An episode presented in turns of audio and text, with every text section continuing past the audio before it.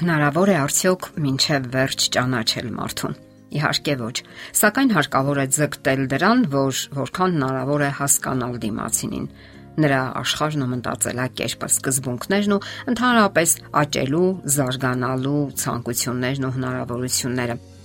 Եվ այնուամենայնիվ շատ բաներ բացահայտվում են ամուսնական միությունը օրինականացնելուց հետո։ Երիտասարդները հարաբերությունների աճելուն զուգընթաց կամ դինամիկային զուգընթաց ողրզում են, թե որքանով են իրենք համապատասխանում։ Իհարկե, ինչպես նշեցինք, ճանաչել մարդուն մինչև վերջ անհնար է, հատկապես որ տարիների ընթացքում մարդու բնավորությունը կարող է անգամ լուրջ փոփոխությունների ենթարկվել այս կամ այն իրադարձությունների եւ իրավիճակների արդյունքում։ Իսկ բոլոր դեպքերում կողմերը պետք է, այսպես ասած, հետախուզական աշխատանքներ կատարեն եւ ողրզեն այն, ինչը կարեւոր է եւ ինչը լրջորեն հետաքրքրում է իրենց։ Օրինակ, Ինչ է սիրում դիմասինը։ Պատրաստ է արդյոք ապրել տարեց ծնողների հետ։ Օգտագործում է ալկոհոլ, սիրում է երեխաներ, երբ է արթնանում, հավաքում է արդյոք իր անկողինը, մաքրասեր է, ընդհանուր առմամբ սիրում է կենթանիներ եւ այլն։ Իհարկե կարևոր են մարդու հոգևոր պահանջմունքները՝ բարոյականությունը, հավատարմությունը, պատասխանատվության զգացումը, պարտաճանաչ լինելը, իր տված խոսքը ժամանակին կատարելը, իսկ բոլոր դեպքերում հիմնովին հասկանալ մարդուն, նրա ողջ ներաշխարը անհնար է նաև այն պատճառով, որովհետև մարդիկ ճանաչողության ընթացքում զգուշավորություն են հանդես բերում եւ լիովին իրենց չեն բացահայտում մինչեւ ամուսնական միությունն օրինականացնելը։ Հարաբերություններն ընդհանրապես շարժուն գործընթաց են,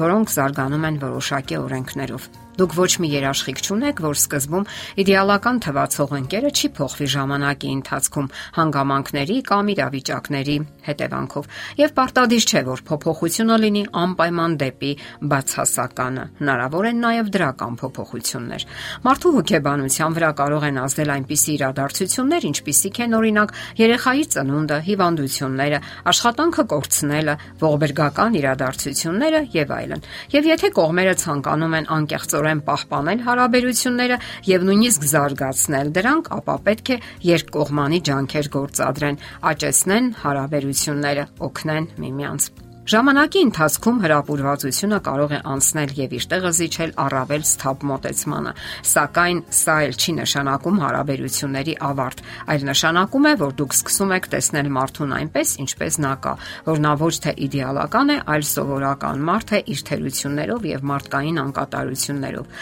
Ահա թե ինչու պետք չէ շտապել եւ արագ ավարտել հարաբերությունները։ Հարկավոր է հասկանալ նաեւ թե ինչու են մարում զգացմունքները, զգալ, երբ եւ ինչու են սարճում կողմ կողմերը, ինչու հոգատար եւ հավատարիմ անznավորությունը հանկարծ փոխվում է, սկսում է ուրիշների հետ սիրախաղանել, կարճում է մանրուքներից, չարանում է եւ անընդհատ վիճաբանություններ հրահրում։ Երբեմն կողմերը հայտնաբերում են, որ դիմացինը եսասեր է, սկսում են մեղադրել միմյանց։ Ես բոլորովին չեմ հետաքրքրում նրան։ Նա միայն իր մասին է մտածում։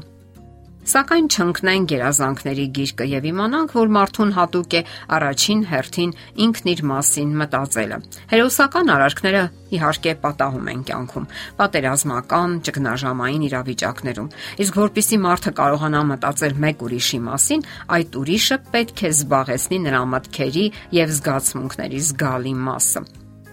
Եսասիրության աստիճանը կախված է հարաբերությունների խորությունից եւ հրապուրվածության մակարդակից։ Նույն մարդը կարող է եսասեր լինել մեկի հանդեպ եւ խիստ մարդասեր ու ըմբռնող մեկ ուրիշի հանդեպ։ Կյանքում շատ են պատահում այնպիսի իրավիճակներ, երբ նույն մարդը խիստ զգայուն, կարեկից ու սիրալիր է մեկի հանդեպ, սակայն կոպիտ, անըմբռնող ու անգամ նվաստացնող մյուսի հանդեպ։ Ոչ ոք չի կարող երաշխավորել, որ ժամանակի ընթացքում զգացմունքները չեն փոխվի եւ որ դուք հավերժ կզգաք մյուսի կարիքը։ Դա պահանջում է երկկողմանի ջանադիր եւ ստեղծագործական աշխատանք։ Զգացմունքները կարող են սարչել կամ թուլանալ, սակայն դա էլ դեռ ոչինչ չի նշանակում, որ ամեն ինչ ավարտված է։ Դուք պետք է պատրաստ լինեք գնալ որոնումների ճանապարհով, այլապես ոչ մի ամուսնություն չի կարող դիմանալ ժամանակի հարվածներին։ Պետք է կարողանաք գրավել, հետաքրքրել դիմացինին, չլճանալ եւ քարանալ հույզերի ու արարքների հորձանուտում Կարողացեք հրապուրել, ինքներդ էլ հրապուրվեք, սիրեք կյանքը եւ կանգ մի առեք տեղում։